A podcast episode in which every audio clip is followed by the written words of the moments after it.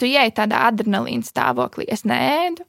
Es vienkārši rakstīju darbus, kā, kas ir tas, ko es daru katru dienu. Un, kā, okay, kādam tas būs jādara pirmdien. Un kā, vienkārši centos sadrukāt. Uh, gan jau tas arī nebija vajadzīgs, jo tur taču tāpat cilvēks strādā ilgāk nekā es. Bet tajā mirklī tev ir tāds, ok, bet ir tik daudz, kas ir jādara. Un uh, tajo, tajos četros, kad es paskatījos un pateicu, labi, meitenes, es braucu gulēt, tad bija asaras acīs. Es aizbraucu, es aizbraucu ar mašīnu, es nopirkojos pie fizmatiem. Es vienkārši domāju, ok, ko tagad? Un tas ir pilnīgi mammai.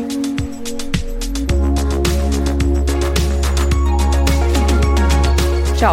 Es esmu Vineta Bērziņa, un tu klausies podkāstu, kas palīdz atrast darbu. Mans podkāsts ir cilvēcīgas un saprotamas sarunas par darba meklēšanu un atrašanu. Šodien sarunāšos ar Kristu Čārvi. Viņa ir mana kolēģe, talantu piesaistes speciāliste. Nestrādājam gan vienā uzņēmumā, bet kaut kādā ziņā varbūt līdzīgās nozarēs. Attiecīgi, Krista ir no banku, es no nebanka nozares. Un šodien Krista ir gatava dalīties ar savu stāstu par tēmu, kura bieži vien ir tabū tēma. Cilvēki par to nerunā ikdienā. Tāpēc, tāpēc esmu uzaicinājusi Kristu. Čau, Krista! Čau, Vinetri! Pastāst, varbūt, lūdzu par savu karjeru, kur tu mācījusies un kur strādājusi, jo, lai varbūt klausītāji saprastu to kontekstu, kā varbūt tu esi sākusi savas karjeras gaitas. Es esmu no 90. gadu bērniem, līdz ar to es sāku strādāt diezgan jauna, jau vasarās bērnībā, caurmērā. Un tāds pirmais īstais darbs man bija, kad man bija gadi 17. Tas bija Tildē, kuras bija palikusi pēc tāda vasaras darbu palikšanas uz to vasaru, kad man palika 18, kā tāda projektu vadītāja. Maza, liela. Tas, tas, tas nav man ko komentēt, bet, bet jā, tur arī sākās varbūt tā mana profesionālā karjera. Un, tā kā tas bija gana agri, bija daudz cilvēku, kas varēja ietekmēt to, kurus iešu tālāk studēt. Un, tā arī sanāca, kad uh, eksaktā zinātnes bija tas, kuras uh, izvēlējos iet. Tad es studēju matemātiku no sākuma. Fizmetos, uh, tepat Latvijas Universitātē, fantastiska programma, bija vesels divus gadus, sesijas visas pabeigtas. Bet tā otrā gada laikā es sapratu, ka laikam matemātikas skolotājs no manis nesenāks, man trūkst tās pacietības. Un, uh, tad es izdomāju mainīt. Universitātes diezgan lielā mērā mainīja daudz ko. Tajā laikā es arī biju strādājusi Stenders, uh, kosmetikas, tagad laikam ir pilnais nosaukums. Un, un, un uh, dzīvoju viena pati, tad tā viena gada otrā kursa laikā es iestājos Zviedru ekonomikas augstskolā pārvācos atpakaļ pie vecākiem un aizgāju prom no darba. Līdz ar to es esmu ar to, ka agri sākusi strādāt, daudz ko varbūt redzējusi, tāpēc es arī sapratu tajos savos, cik tad man sanāk, 20 gados, kad es neesmu tur, kur man laikam vajadzētu būt. Un tad studējot Zviedros, tur jau bija daudz plašāks spektrs ar kursiem, nebija tikai skaitļi. un tā arī man ir visi nosaukumi angliski, bet um, pirmajā kursā mums bija Organizations and Management kurs, uh, kuru vadīja Inga Gleizdāna, kas uh, pati ir no HR pasaules, man ļoti, ļoti patika tas kurs, un, un vispār mums bija ļoti daudz arī jāstrādā ar uzņēmumiem. Un uh, tajā vasarā es vēl biju uh, pārdošanā vienā uzņēmumā, bet tad ar to nākamo gadu gan es jau iegāju HR, uh, jeb personāla vadībā un uh, sāku savu karjeru tur aģentūrā. Uh, strādāju ar augstā līmeņa vadītāju atlasi. Un tad pēc jau trešā kursa, kad arī absolvēju skolu, sāku darbu Printfulā. Un tad pēc tā esmu tagad Luminorā. Nu, jau tuņi būs gads nākamā nedēļa. Izklausās ļoti līdzīgs stāsts kā man tādā ziņā, ka es arī augstskolā mācoties kaut ko citu, sapratu, ka personāla vadība varētu būt interesanta tieši dēļ kursa. Uh, kur, kur mācījos. Tas tā kā sakrīt. 17, 17 gados sāki pirmo darbu Tildē, kas nu, tāds pazīstams uzņēmums. Kā tev tas izdevās tur iekļūt vispār, jo man pirmie darbi bija veikalā kā pārdevējiem. Jā, veiklā kā tā pārdevējs bija pēc tam. Bet nē, es vienmēr biju ļoti aktīva. Es kādreiz nodarbojos ar sportu, tad es strādāju pavasarām stadionos pie sacensībām un tam līdzīgi, tur kaut kādu kabatas naudu. Bet uh, tildē es nonācu caur pazīšanos. Kā jau lielā daļa Latvijā, viņiem bija tāda tā programma vasarā, kad viņi ņēma skolēnus. Kārto datu bāzi. Un, uh, es biju starp tiem, kas pieteicās. Tur būtībā tā programma bija tāda, ka tu divas nedēļas tā kā esi, un tad, tad arī nākamais skolēns nāk. Bet uh, man sagāja tā, ka es biju tā, tas pēdējais skolēns, un es viņiem ļoti patiku. un tad uh, mēs uzturējām ļoti labas attiecības, un uh, tad arī attiecīgi, tad, kad pienāca tā, tā pilngadība, tad arī viņiem bija nepieciešamība, man bija laiks. un uh, tā arī jā, sāku pie viņiem strādāt. Un tā bija arī ļoti, ļoti vērtīga tāda pirmā pieredze. Un tas ir vienīgais iemesls, kāpēc es studēju matemātiku. Jo tur viss kā viens man pateica, ka viņai ir tā zinātnē, ja es gribu loģisko domāšanu. ļoti agri tu sāki strādāt 17 gados, es laikam 19 gados sāku strādāt. Uh, jā, kā par, par pārdevēju, kā jau teicu, bet izskatās arī kaut kas līdzīgs, kas ir manā CV. Vai es pareizi saprotu, ka uh, personāla atlases savu karjeru tu esi sākusi arī uh, personāla ārpakalpojumu uzņēmumā, līdzīgi kā es? Jā, kā teicu, aģentūrā. Jā, aģentūrā, jā tieši tā. Am, Amrop, jā. jā, kas mm -hmm. ir uh, augsto līmeņa vadīt, uh, vadītāja atlase. Un mans pirmais projekts, uh, arī mans pēdējais projekts, jo tas bija tieši to, to visu laiku, tai bija FKTK padomas priekšsēdētāja vieta. Un es atceros, ka man vienkārši likās pilnīgs kosmos. Kā, kāds var būt, jo es sāku tur no sākuma praksē, kas bija pilnībā nesaistīta ar atlasēm. Es burtiski apzvanīju viņu datubāzes cilvēkus, lai dabūtu GDPR konsentu. Nu, tas man liekas, ir arī ļoti liela lieta, ka es vienmēr esmu sākusi ar kaut ko pilnīgi pavisam maziņu, jebkurā šajā lielajā uzņēmumā vai, vai nozīmīgajā uzņēmumā. Un tad vienkārši pierādot darba ētiku, pierādot savas spējas, tad ir. Tu, tu, tu. izdevies sevi apliecināt, un tad arī ir sanācis varbūt palikt ilgāk. Un kā to nokļuva printful, vai tas tavs bija tāds sapņu darbs?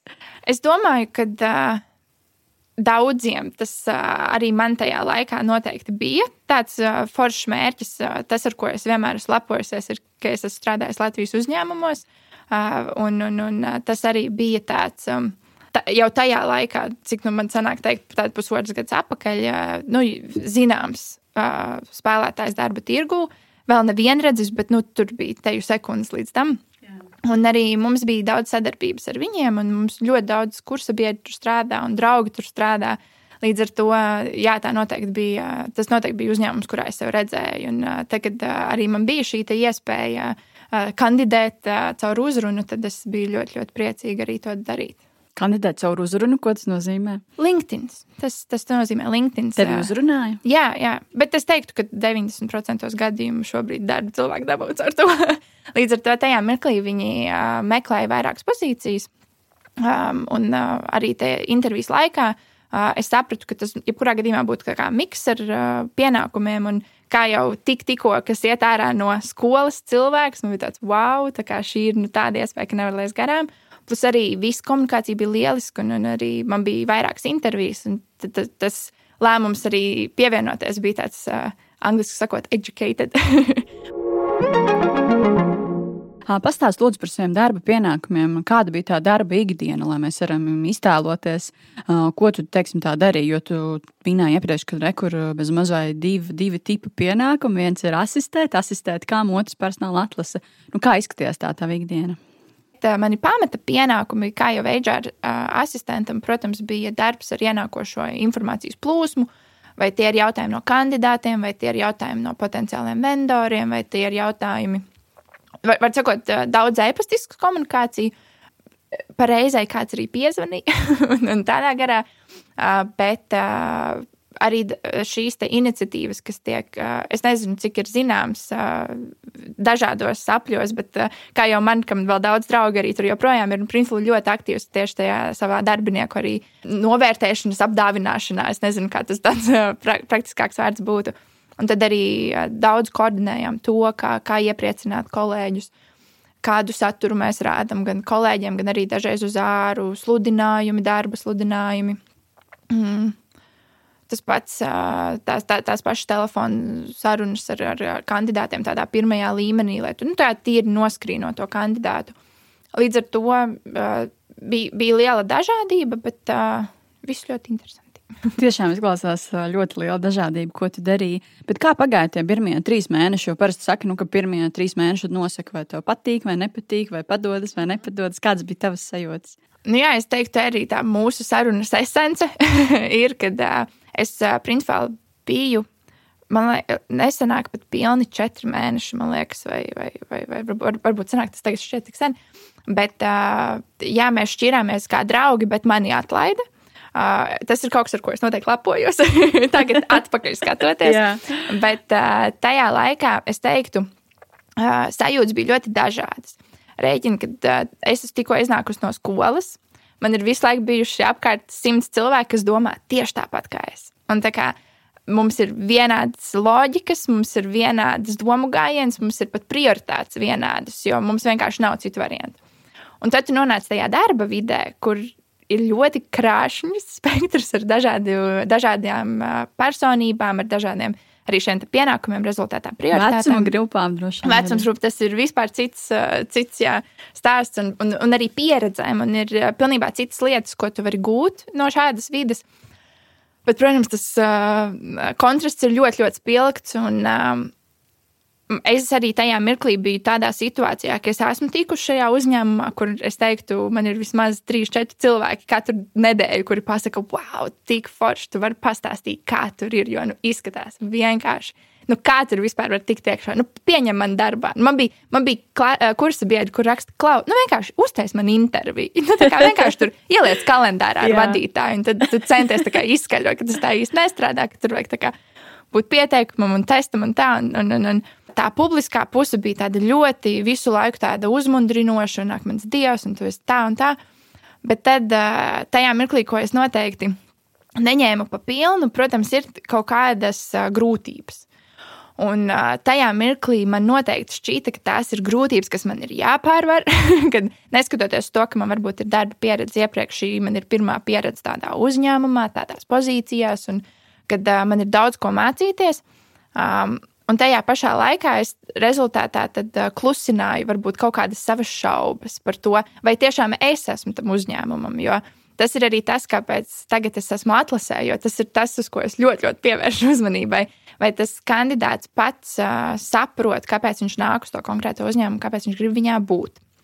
Un uh, es teiktu, pagāja kāds pirmais mēnesis, kad no tevis daudz neko nesagaida. Līdz ar to tad, ja, ja, ja tu dari to, ko tu esi tā kā, tā kā sarunāts, ka tu darīsi, tas jau ir diezgan uh, daudz.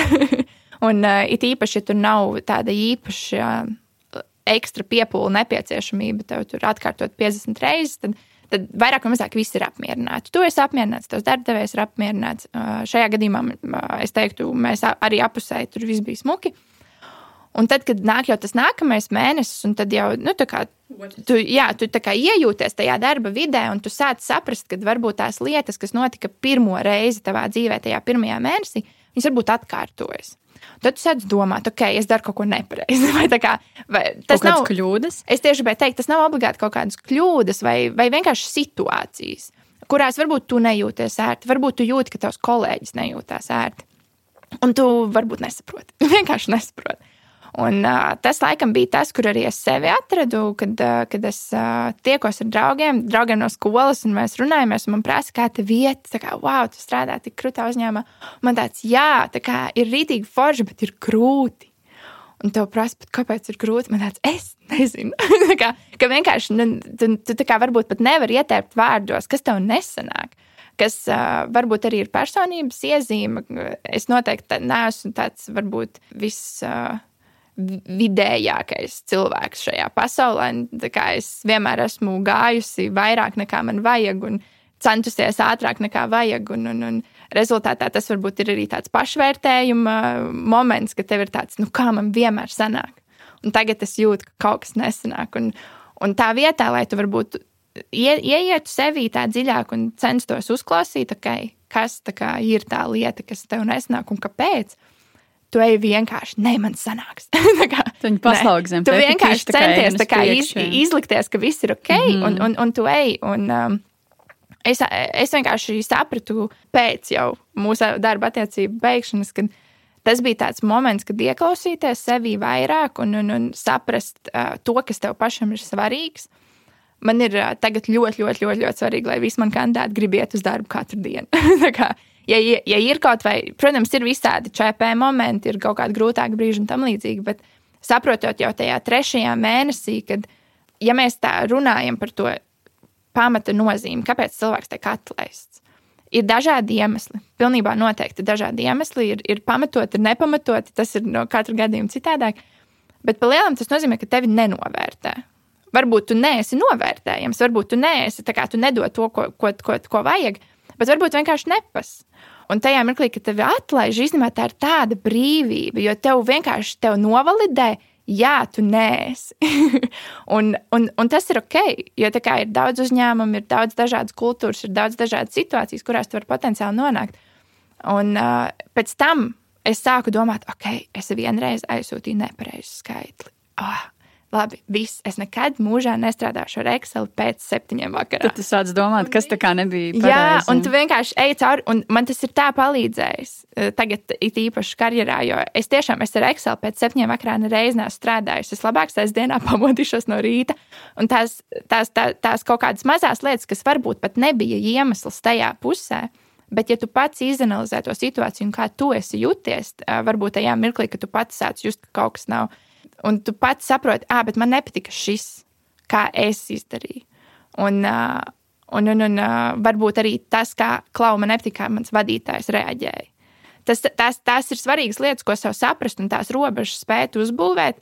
Ko, protams, nu, tagad ir 20, ir relatīvi grūti izdarīt. Bet uh, tagad, kad man ir 25, tad man bija tā, kaut kāda 23 vai kaut kas tāds.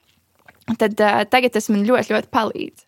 Un arī darbā, protams, kā jau atlasot kandidātus. Tā tad bija, tad tev bija tātad vairākas atziņas, ko tu gūsi. Bet neskrien uz priekšu, man gribās vēl pakavēties tajos, tajos trīs mēnešos. Vai tev bija tāda nojausma, varbūt, ka tev var atlaist tajā pārbaudas laikā? Jā, es domāju, jebkurš cilvēks, kas ir savā dzīvē atlaists, jūt, ka tas varbūt nāk. Jo, labi, viens ir pēc darba likuma, laikam to nevar tik vienkārši izdarīt. Tīpaši, ja tu esi izturējis pārbaudas laiku, tur jābūt kaut kādam iemeslam apakšā. Bet, uh, tas, ka nepas, man liekas, to, to, to ir grūti nejust. Un, un tas, ko es gribu uzsvērt, ir tā ieklausīšanās sevī. Un, un atcerēties, ka uh, nav obligāti jācenšas un jāskrien un tam līdzīgi. Tā mana situācija tiešām, un es joprojām uh, uzskatu, ka tas ir super uz, uzņēmums, un es tur ik pa laikam kādu iesaku, un man tur arī uh, cilvēki strādā, ko es pati pieņēmu darbā, un es iečukojos, un viss ir fantastiski. Bet uh, jā, tās sajūtas, ka tu zini, ka kaut kas varbūt tuvojas, un tu spītīgi vienkārši nē.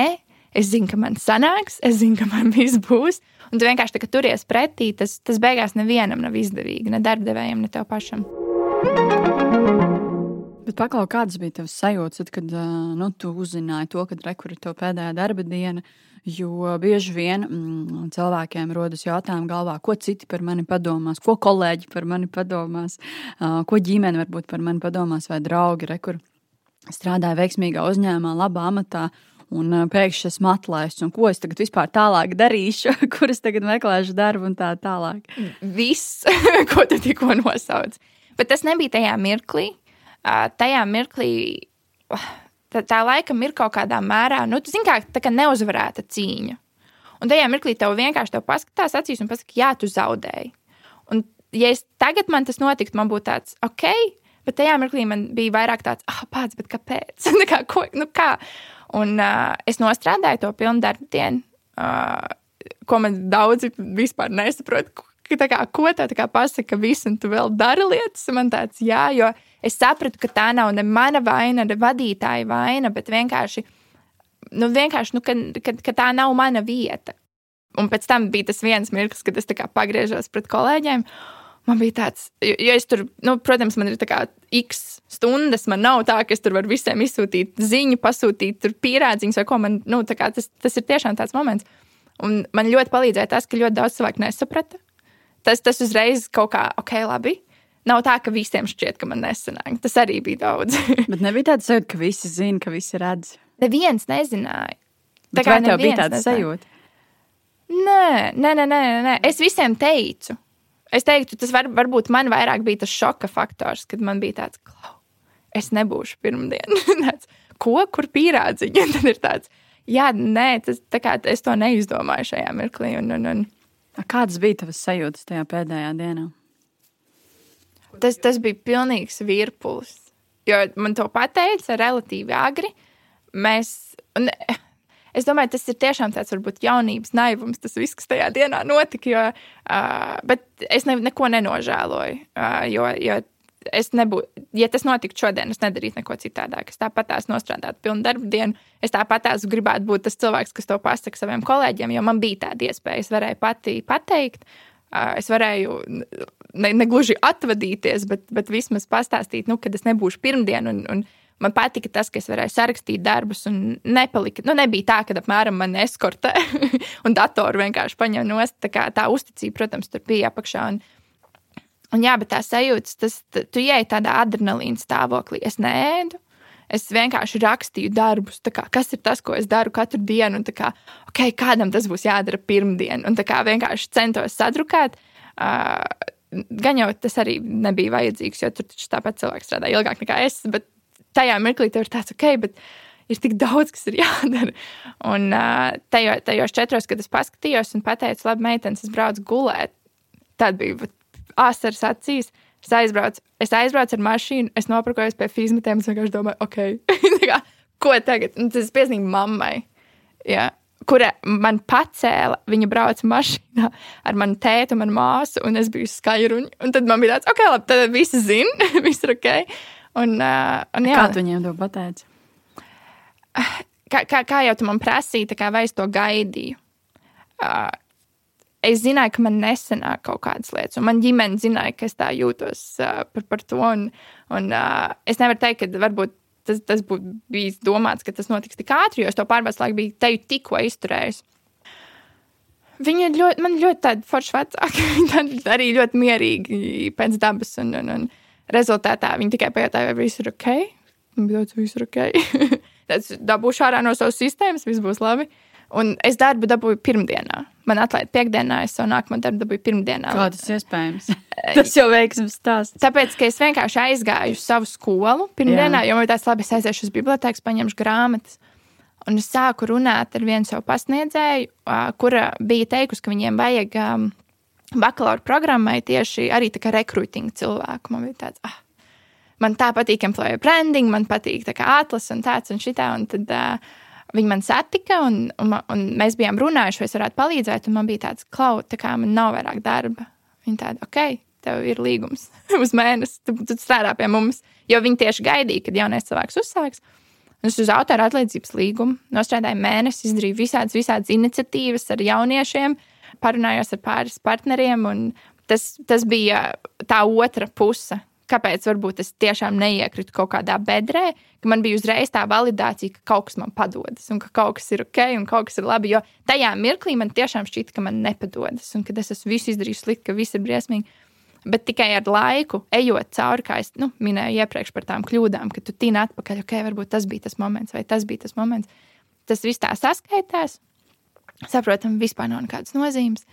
Un galvenais ir kā, mācīties no tā, kas ir noticis. Un, uh, Un, jā, un tas, ka man bija tas darbs to mēnesi, es esmu ļoti pateicīga savai augstskolai, Zviedrijas ekonomikas augstskolai, kad man, man bija tāda iespēja būt tā kā atpakaļ mājās kaut kādā mērā. Un, un rezultātā es neiekritu tādā ļoti dziļā bedrē. Tā tad, jā, tev ļoti paveicās, uzreiz dabūji darbu. Bet vai tev nebija tādas šaubas par to pašu personālvadības jomu, atlases jomu, vai es tur dēru, vai man ir jāmaina profesija? Uh, man teica, ka man ir jāmaina profesija. Tāpēc tas, ta, es, teiktu, wow. es teiktu, tas bija tas viss, uh, viss tāds ok. Un kā tu reaģēji uz to? No sākuma es ņēmu to ļoti nopietni. Ļoti labi. Es skatīšos atpakaļ pārdošanā. Jo tas man padodas, es esmu cilvēks, cilvēks un tam līdzīgi. Bet uh, tā kā man uzreiz bija tā iespēja skolā, Tad uh, es sapratu, ka uh, nu, nē, tas employer brandings nu, ritīgi ir mana lieta. Un, man patīk taisīt partnerships, man patīk kā, veidot sadarbības. Un tā kā, jā, tā kā promotēt, un, un, un nākt cilvēki, lūgt cilvēkiem būtībā nākt uz labām vietām. un tad es vienkārši sapratu, ka man ir ļoti būtisks tas darba devējs, kuram es atlasu. Kā, kā, tāpat kā arī pārdošanā, kad man ir svarīgi, nu, kā, lai es pārdodu labu uzņēmumu produktu. Un, uh, un man paveicās ar to, ka man Printfulā bija kolēģi, kur tiešām uh, man ļoti atbalstīja un uh, ar kuriem es joprojām esmu draugos. Un, uh, no dažādām nodaļām tas man ļoti deva to iespēju mēģināt vienkārši citur. Jo tas arī ir uh, tāda ļoti liela mācība, kad mēs bieži darbā sakām, biznesa analītiķis katrā uzdevuma, uzņēmumā nozīmē kaut ko citu. Bet arī atlases speciālists katrā uzņēmumā nozīmē kaut ko citu, jo ir jānovērtē citas uh, spējas, varbūt citas kaut kādas prasmes, citas um, īpašības. Un uh, tagad, uh, strādājot bankā, piemēram, tā ir mana vide. Man ir ļoti sakārtots, skaidrs, kas ir tas profils, ko es atlasu. Tur ir tāda sakārtotība, ka nerodas jautājumi, vai es kaut ko daru vai nedaru, ne, nu, pareizi vai nepareizi tur arī tu uzreiz saproti. Tātad sakārtota vide ir vairāk priekš tevis, vai ne? Jā, es teiktu, un es arī esmu vid, vides kārtotājs pēc dabas, līdz ar to uh, man, man ļoti patīk uh, standartizēt lietas, man patīk procedūras, man patīk uh, atsakot uh, un, un, un kaut kādas tādas lietas darīt. Un, Tas, ko arī es noteikti sapratu, ka es vienkārši neesmu arī tāds asistents materiāls. Tas, tas ir ok. Un tā kā es teiktu, ir jāiet prom no tās domas, kad pateikt 20 gados, es neesmu asistents materiāls, ka tā ir slikta lieta. Nē, tu vienkārši sevi pazīsti. Un tu zini, kas ir tas, ko tu nevari darīt. Nevis tādēļ, ka tu to nevari, jo tev, nezinu, tur nav uzmanības vai kaut kas tāds, bet vienkārši tev nav motivācija tādēļ celties no rīta. Un, uh, un jā, tas ir arī tas, ko es cenšos ļoti, ļoti uzsvērt, ka tu vari strādāt superkrutā uzņēmumā, bet tas var nebūt tavs. Un tas ir pilnībā ok. tas ir pilnībā ok strādāt tādā uzņēmumā vai iet projām? Iet projām. Iet projām, tikt atlaistam, lai kāds ir tavs ceļš. Vienkārši tu saproti tajā mirklī, ka tas uzņēmums nav bijis tev. Un arī tagad, strādājot bankā, esot tajā otrā pusē un, un redzot, kā cilvēki, piemēram, iet prom, un tad ir sarunas, vai arī ir kaut kādi gadījumi, ka tev vajag kādu atlaist es pilnībā zinu to sajūtu tajā otrajā pusē. Līdz ar to man, man tā saruna, kāda mums ievirzās, ir pilnīgi citādāka. Jo es to praktiski ar smaidu uz lūpām klau. klau es jūtu, ka šis ir tas mirklis, kad šie ceļi laikam šķirsies. Un tad tu tā smuki vari izrunāt, pārunāt un sasprast kaut kādus mērķus. Bet tā noteikti ir arī tāda liela privilēģija, kas man ir ar, ar manu izglītību, ar, ar manu aizmuguri no vecāku puses un tam līdzīgi. Man ir bijusi šī spēja tiešām neuztraukties par lietām, un ka es varu meklēt sevi un meklēt, kas man kā, jā, iepriecina celties no rīta. Man tāds jautājums, tā kā ir, ir šobrīd cilvēki, kuri ir darba meklējumos, un varbūt līdzīgs tās kā tev, kad ir atlaists no kāda uzņēmuma. Ko tu ieteiktu darba meklētājiem vai teikt interviju procesā, nu, kā droši, re, kur mani atlaida no tā un tā uzņēmuma, vai tomēr labāk to pie, pieklusēt un neteikt? Es teicu, bet man šķiet, ka man ir ļoti labs iemesls. Tāpēc arī es nekautrējos to teikt, un uh, es arī caur to rādīju, ko es esmu ieguvusi no šīs pieredzes. Un, ja, ja, tā, ja tas stāsts varbūt ir, ir līdzīgs un racionalizējams, varbūt ir tas vārds, tad es ne, neredzu nekādu iemeslu to neteikt. Protams, ir situācijas, kad uh, varbūt pats tu nejūties ērti, jo tu neesi sapratis, kāpēc tas ir noticis vai nav noticis. Bet rēķini, ka tas referenču zvans tāpat potenciāli izvilks to ārā.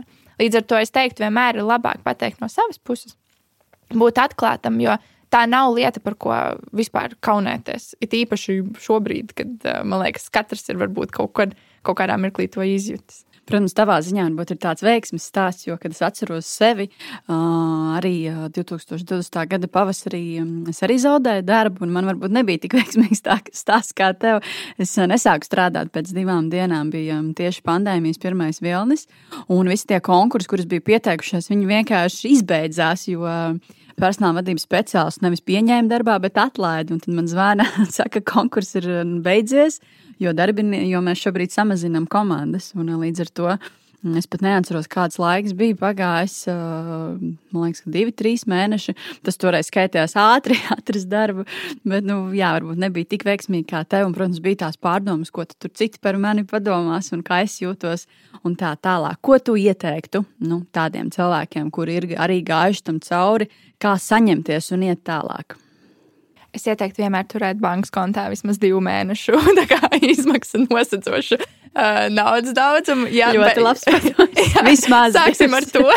bet, protams, ir bezdarbnieku pabalsts. Un, un, un, protams, es zinu, man, man bija arī ļoti traki kursabiedriem, kur, kuriem nav stāžas, un tad viņi nekam tur nekvalificējās. Un to, to skatīties bija ļoti grūti. Vienkārši es zinu tik daudz un dažādus tos gadījumus, nav viena recepte. Pilnībā noteikti tas nav tāds, Klauda, pateikšu to teikumu, un tad tev viss smadzenēs sastāsies, un tu varēsi iet uz priekšu, jutīsies labi, un, un, un viss būs. Bet uh, es, es esmu ļoti analītiska, un tādās situācijās es tiešām iesaku, ja pat tu nevari pats izanalizēt to situāciju vai, vai saprast, varbūt, kas notika, atrast kādu draugu, atrast kādu ģimenes locekli, ar ko tu jūties ērti un tiešām izrunāt un vilkt līdz saknei. Jo ir bijušas dienas, kad tu gāji uz darbu un tev patīk tas, ko tu dari. Protams, ja mēs runājam par to, ka tu zini, ko tu gribi darīt, un tev nav iespēju, tad ir nedaudz trakāk. Bet um, es, piemēram, ļoti mērķiecīgi gāju uz Luminoru. Es nepieteicos ar CV online vai LinkedIn, es čekoju viņu mājaslapu. Un, uh, pareizi es arī to ļoti uzsveru, jo um, pēc tās savas pieredzes es biju sapratusi, kas man noteikti nav tas, ko es, restīvi, kas ir noteikti tas, ko es nevēlos. Un tad, attiecīgi, mērķiecīgi iet uz to, ko es vēlos. Uh, bet tajā pašā laikā noteikti uzsvērot, neviens darbs nav mazs darbs. Varbūt mēs visi gribam būt CEO kādos uzņēmumos, bet varbūt sākt zem tā sava atalgojuma robežas, kādā tu vispār vēlēsies būt. Un, un, un, un tad vai nu pagaidīt, apmēram, kamēr vētra pāries, un tad meklēt atkal atpakaļ to, to savu sapņu darbu, respektīvi, profesiju. Vai arī tiešām paņemt un vienkārši izbaudīt to, ka tev ir iedota pauze. Ko tajā mirklī, man liekas, tas nav tas, kā cilvēki to uztver, bet to tiešām tā vajadzētu uztvert. Tā ir tā man pilnīgi pārliecinātība, ka tas mirklis, kad tev sanāk šī neērtā exit saruna plānoti, neplānoti, tas ir jāuztver vienkārši kā mirklis pauzē. Varbūt tu dari kaut ko nepareizi. Varbūt tu esi gājis ļoti stūrgalvīgi uz priekšu, pakaļ kaut kādai karjerai, jo tev tur ir x, y redzēts, ka viņiem šī tā sanāca un viņi dzīvo tagad smukā mājā. Padomā, vai, vai, vai nevien tu to māju gribi, bet vai tu arī to dzīvi gribi. Un, uh, jā, rezultātā tāpēc, nu, labi, es tā ļoti izpušķoju savu stāstu, kā es sapratu, ka es negribu būt asistente. bet, bet rezultātā tas ļoti palīdzēja saprast, kas bija tie darba pienākumi, kurus es neatliku. Un, jebkuram, kurš ir nonācis šajā situācijā, es iesaku no sākuma pastīties, kas bija tie darba pienākumi, ko tu neatliki, kurus tu tev patika darīt, kurus tu ar, ar dedzību varbūt pat ķēri, vai arī kurus tu nedabūji, bet varbūt tu gribēji pamēģināt, jo tas tāds iespēju laiks protams, saprāta robežās. Mana stratēģija meklējot darbu bija viens pēc iespējas ātrāk atrast darbu, jo zināju, ka arī citi līdzīgi speciālisti, kā es, personālvadības speciālisti, arī būs darba meklējumos, būs lielāka konkurence. Un otrs, laikam, arī nu, mēģināt saprast tādu darba meklēšanas stratēģiju, ko, ko tad es varu darīt, kur meklēt, un arī kur meklēt palīdzību, atbalstu. Bet no nu, šobrīd varbūt ir bijis citādāk laika, nav varbūt tik traki, kā tas, ko tu iesaki, atpūsties, izbaudīt, padomāt, ko tiešām gribi, varbūt mainīt pat profesiju un tā tālāk. Paldies, Kristek, un apbrīnoju tavu drosmi dalīties ar savu stāstu. Ceru, ka iedvesmoju varbūt kādu darba meklētāju vai cilvēku, kuram arī ir bijusi līdzīga pieredze, iet, iet tam visam pāri un veiksmīgi atrast citu darbu, ar smaidu lūpām strādāt, darboties. Cerams, cerams. Paldies! Tā veiksmīgi! Tu noklausījies šīs sezonas pēdējo epizodi. Mēs dodamies īsās Ziemassvētku brīvdienās, un ar jaunās sezonas pirmo epizodi būsim atpakaļ uzreiz pēc jaunā gada. Tagad vēlu tev priecīgus Ziemassvētkus, laimīgu jauno gadu un labu darbu! Uz sadzirdēšanos!